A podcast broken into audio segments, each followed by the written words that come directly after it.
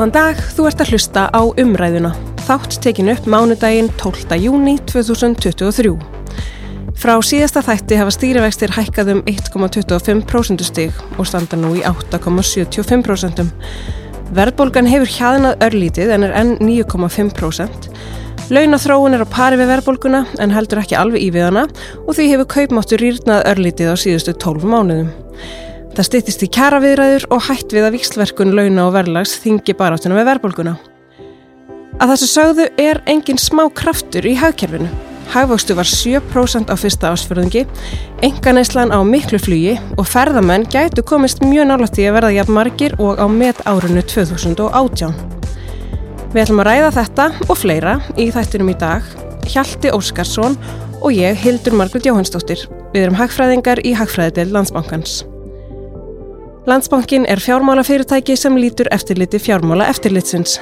Nánari upplýsingar og lagalegan fyrirvara má finna á landsbankin.is umræðan hlaðvar.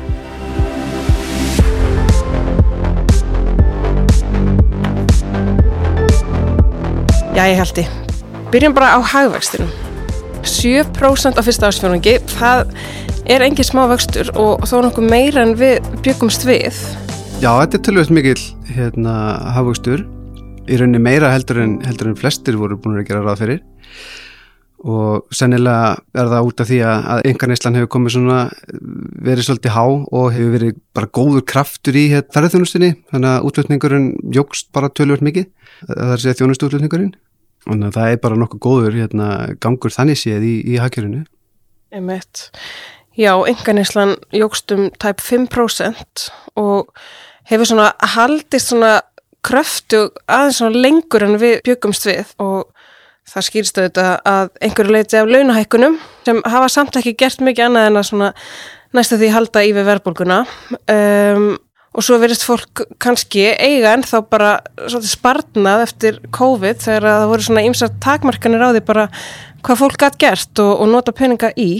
Um, svo er atvinnustíðið þetta mjög gott, það komi atvinnuleysistölur á förstu daginn um, sem sína að það var ekki náma 3% í mæ og hefur bara haldið áfram að lækka eftir að COVID kláraðist og einmitt eins og þú talar um ferðarþjónustan, útflutningun jógst svo mikið umfram innflutning og það þetta ítur undir hafastatöluna. Já, einmitt og það er að mestuleiti þjónustu útflutningarinn sem, sem er að skýra þessa miklu aukningu í auðrækisviðskiptum hjá okkur. Og, og þar af er það hérna, ferðarþjónustan sem að er að vega alveg langþingst þar.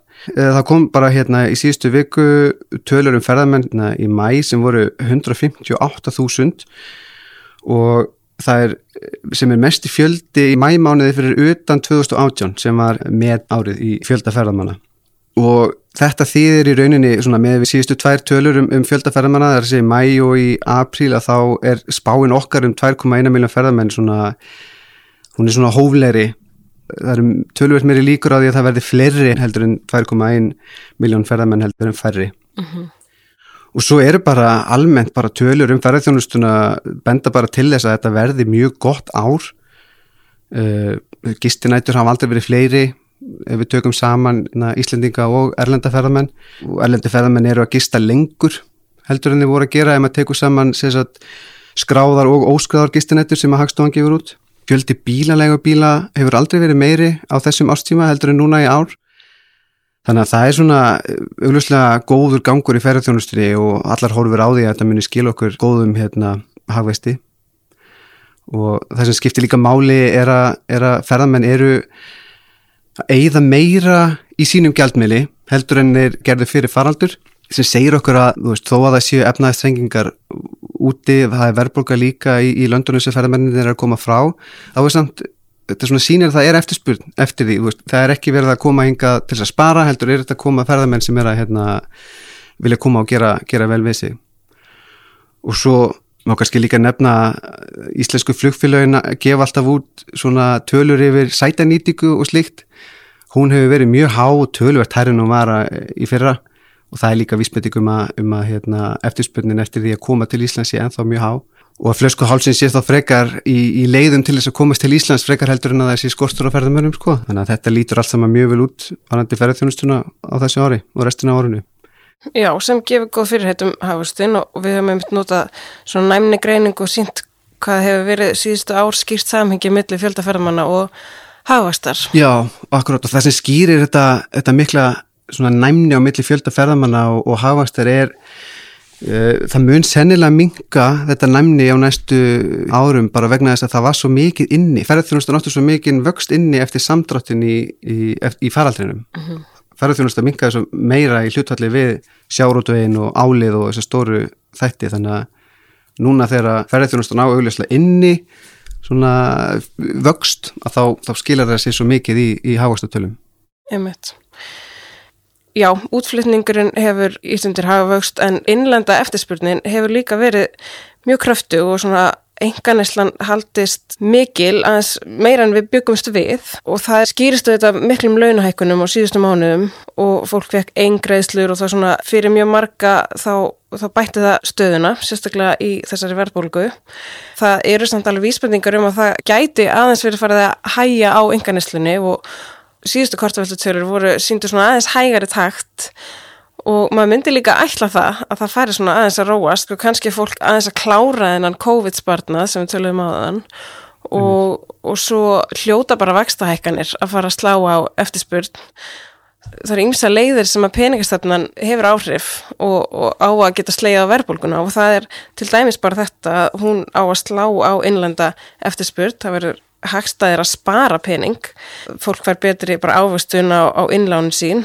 Og svo hafa vextinir auðvitað áhrif á húsnæðislánin. Eh, það er bæði erfiðar að koma inn á húsnæðismarkað því að lánir eru dýrari og þeir sem eru með fljótandi vexti á húsnæðislánum þeir hafa herri afborganir og eiga þannig bara minni pening eftir þegar þeir eru búin að borga á lánunum sinum til þess að eigða í annað. Og það hlýtur að koma að því að það, það fari að róast enganislan og, og verðbolgan auðvitað hefur getið upp launahækkaninnar þannig að þótt að laun hafi hækkað um 9,5% á síðustu 12 mánuðum þá sko getur fólk ekkert keft 9,5% meira fyrir launin sín, það er alls ekki þannig af því að verðalægið hefur hækkað álugaðið mikið á síðustu 12 mánuðum. Mm -hmm. Verðbólgan fór lægra heldur en við vorum búin að gera ráð fyrir. Uh, við spáðum 9,6% en hagstofan mælti verðalægið verðbólgan að vera 9,5% og það er ánægilegt að einhverju leiti að, að, að læka meira heldur en við séum að gera ráð fyrir. En það var samt ekki endilega margt sem koma óvart í þessari mælingu. Uh, það er búið að vera svona tiltöla erfitt að spá fyrir um hérna, húsnæðisliðin eða, eða íbúðaverði síðustu mánuði. Og í þetta skipti lækkaði eða sérst hækkaði húsnæði minna heldur en, heldur en við hefum gerst ráð fyrir sem er bara jákvætt En svona almennt með, með samsetninguna á vísiturni núna er bara sko, hlutur húsnæðis í verðbókunni er orðin minni heldur en það var og hérna svona það er aðalega hérna, þjónustuleginni sem er að hækka sem að hérna, er auðvitað ekki gott en, en að allir hinnileginni séu svona ekki lengur að búa til þrýsting er svona, svona jákvæður hlutur við, við þessa mælingu sem við sáum núna síðast í mæ það sem að er vara kjarnavísitölunar sem eru svona eiga mæla undirlíkjandi verðbólgu. Það lækkuðu allar á milli mánuða í mæ sem hefur ekki gæst í, í nokkra mánuði. Og fjöldi undirlíða sem hafa hækkað meira heldur en 10% er hættur að fjölga. Eh, það er svona það sem hefur verið að skýra það að verðbólgan hefur verið svona undirlikandi og almenn að hérna svo þróin er, er, er allavega ekki lengur heldur er, er hún svona aðeins farin að fara í hína áttina. Við erum að spáði að verðbólgan fari undir 9% í júni og verði undir 9% í júni, júli og í ágúst.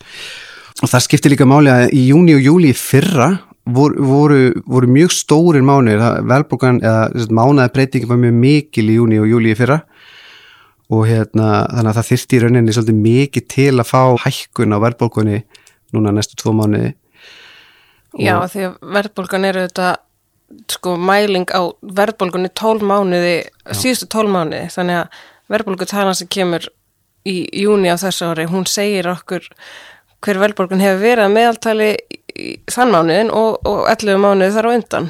Akkurat. Þannig að þegar júnimánuður í fyrra dettur út sem var mikill hækkunummánuður þá þarf mjög mikið til þess að halda ársverðbólgunni jafn mikilli. Já, akkurat. Þessi verðbólgu tala segir í rauninni jafn mikið um hvað er að gerast núna og, og hvað var að gerast fyrir 12 mánuðum. Mm Og að sama tíma erum við að spá örlítilli hækkun í, í ágúst en það er ekki vegna þess að við séum að spá einhverju meiri þrýstingi heldur var ágúst í fyrra bara mjög, hérna, hækkunin var bara mjög lítil. Þannig að þó við séum að spá einhverju örlítilli hækkun í ágúst og þá var það ekki vegna þess að við erum að sjá einhverju delikandi þrýstingi eða eitthvað svo heldur bara, heldur bara vegna þess hvernig mælingin í ágúst var í, í fyrra. En þetta er svo sem bara ein mæling, verðbólgan er ennþá tölvert há og í rauninni allt og há maður þarf að vera svona hóflega bjart síðan á, á, á hérna, næstu mánuði þó að, þó þessi fara að líta betur út Einmitt. Og sælabankanum er ekki sama.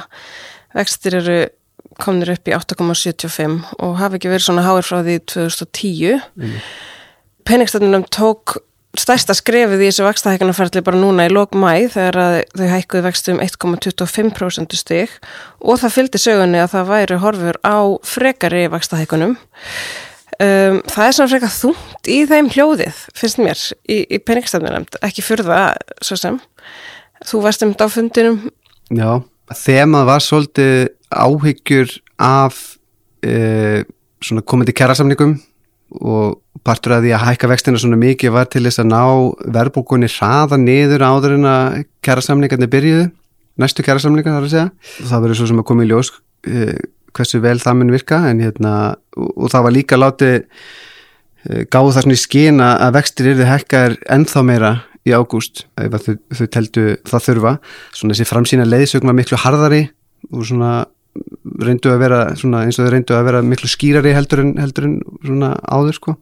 Já, þau þetta hafa áhyggjur af því að, að það veri farið inn í næstu kjara viðræður í aftur í svona eitthvað næstu því 10% af verðbólgu því það er þetta vond og það að það sé að yfirvöndi kjaravirar það er þetta líka ítur undir óvissuna sem er ekki gott fyrir verðbólgu. Og seglamakastjóri að mér tala mjög mikið til vinnumarkaðarins. Uh, svona kannski aðeins meira og meira núna uh, þótt að þau hafi þetta líka talað um að hérna, ríkisfjármálinn þurfa að vera með þeim í liði. Þá er svona aðeins kannski fókusin fæst yfir á, á vinnumarkaðin og það er kannski svona allt í lægi að tala eins um það, hvernig þessi framleiðslu spenna á, á vinnumarkaði hún, það, það er þetta skortur á vinnuafli sem þrýstur upp launum og svona bætir samningsstöðu launafólks til þess að, semjum herri laun. Og, og hérna þótt að verðbólgan hafi kannski ekki byrjað sem afleðing af þessum launhækkunum, það var í faraldrinum þá var þetta bæði peningastefnan og ríkisfjármálinn svona þenslu kvetjandi húsnæðismarkarum var svona fyrstur í því að virkilega íta upp verðbólgunni. En svo hafa launahækkanir auðvitað svona haldiðin við og, og kynnt undir hana. Og það er ekki þægilegt fyrir Sælabankan að horfa fram á þessi vikslverkun launa og verðlags fara á stað þar sem að fyrirtæki verðsetja vörur herra til þess að geta greitt þessi há laun. Og, og launafólk auðvitað hefur eðlilega kvata til þess að, að hérna, reyna að halda kaupmættinum uppi þegar verðbólgan er svona mikil. einmitt maður svona velti fyrir sér hv- hvað þarf að gerast til þess að stoppa þessa þróun sem að maður sér fram á eh, hvort að aðilar þurfu bara Sælabankin, ríkið og, og aðilar vinnumarkaðins þurfu bara að hittast og, og, hérna, og finna út úr þessu eða hvað? Já, það er allavega einmitt, það er erfitt að sjá fyrir sér að, að annarkvort bara launafólk eða bara fyrirtæki getur tekið upp að því hjá sér að taka ábyrðina og hætta að fylgja þessum kvötum sem eru að reyna að halda upp í verði eða halda upp í Já, kaupmætti. Uh, já, af því það þarf að slaka aðeins á hagkerfinu til þess að ná verðbólgunni niður. Þarf aðeins að minka þessa spennu og, og við skulum vona að verðbólgan fari bara hjaðina og hraðar en við búumst við og peningastefnunum þurfi ekki að sko halda áfram að hækka vextu þanga til fyrirtæki þurfa að segja upp fólki og, og almenningur lendir í virkilega miklum greiðslu vanda með lán og þetta verður þetta svona mjúglending já, vanda verður þetta mjúglending og við fylgjast bara vel með því. Við ekki bara segja þetta gott í bili? Jó, ekki bara? Við þakkum bara fyrir áhernina, þú varst að hlusta á umræðuna, takk fyrir. Takk fyrir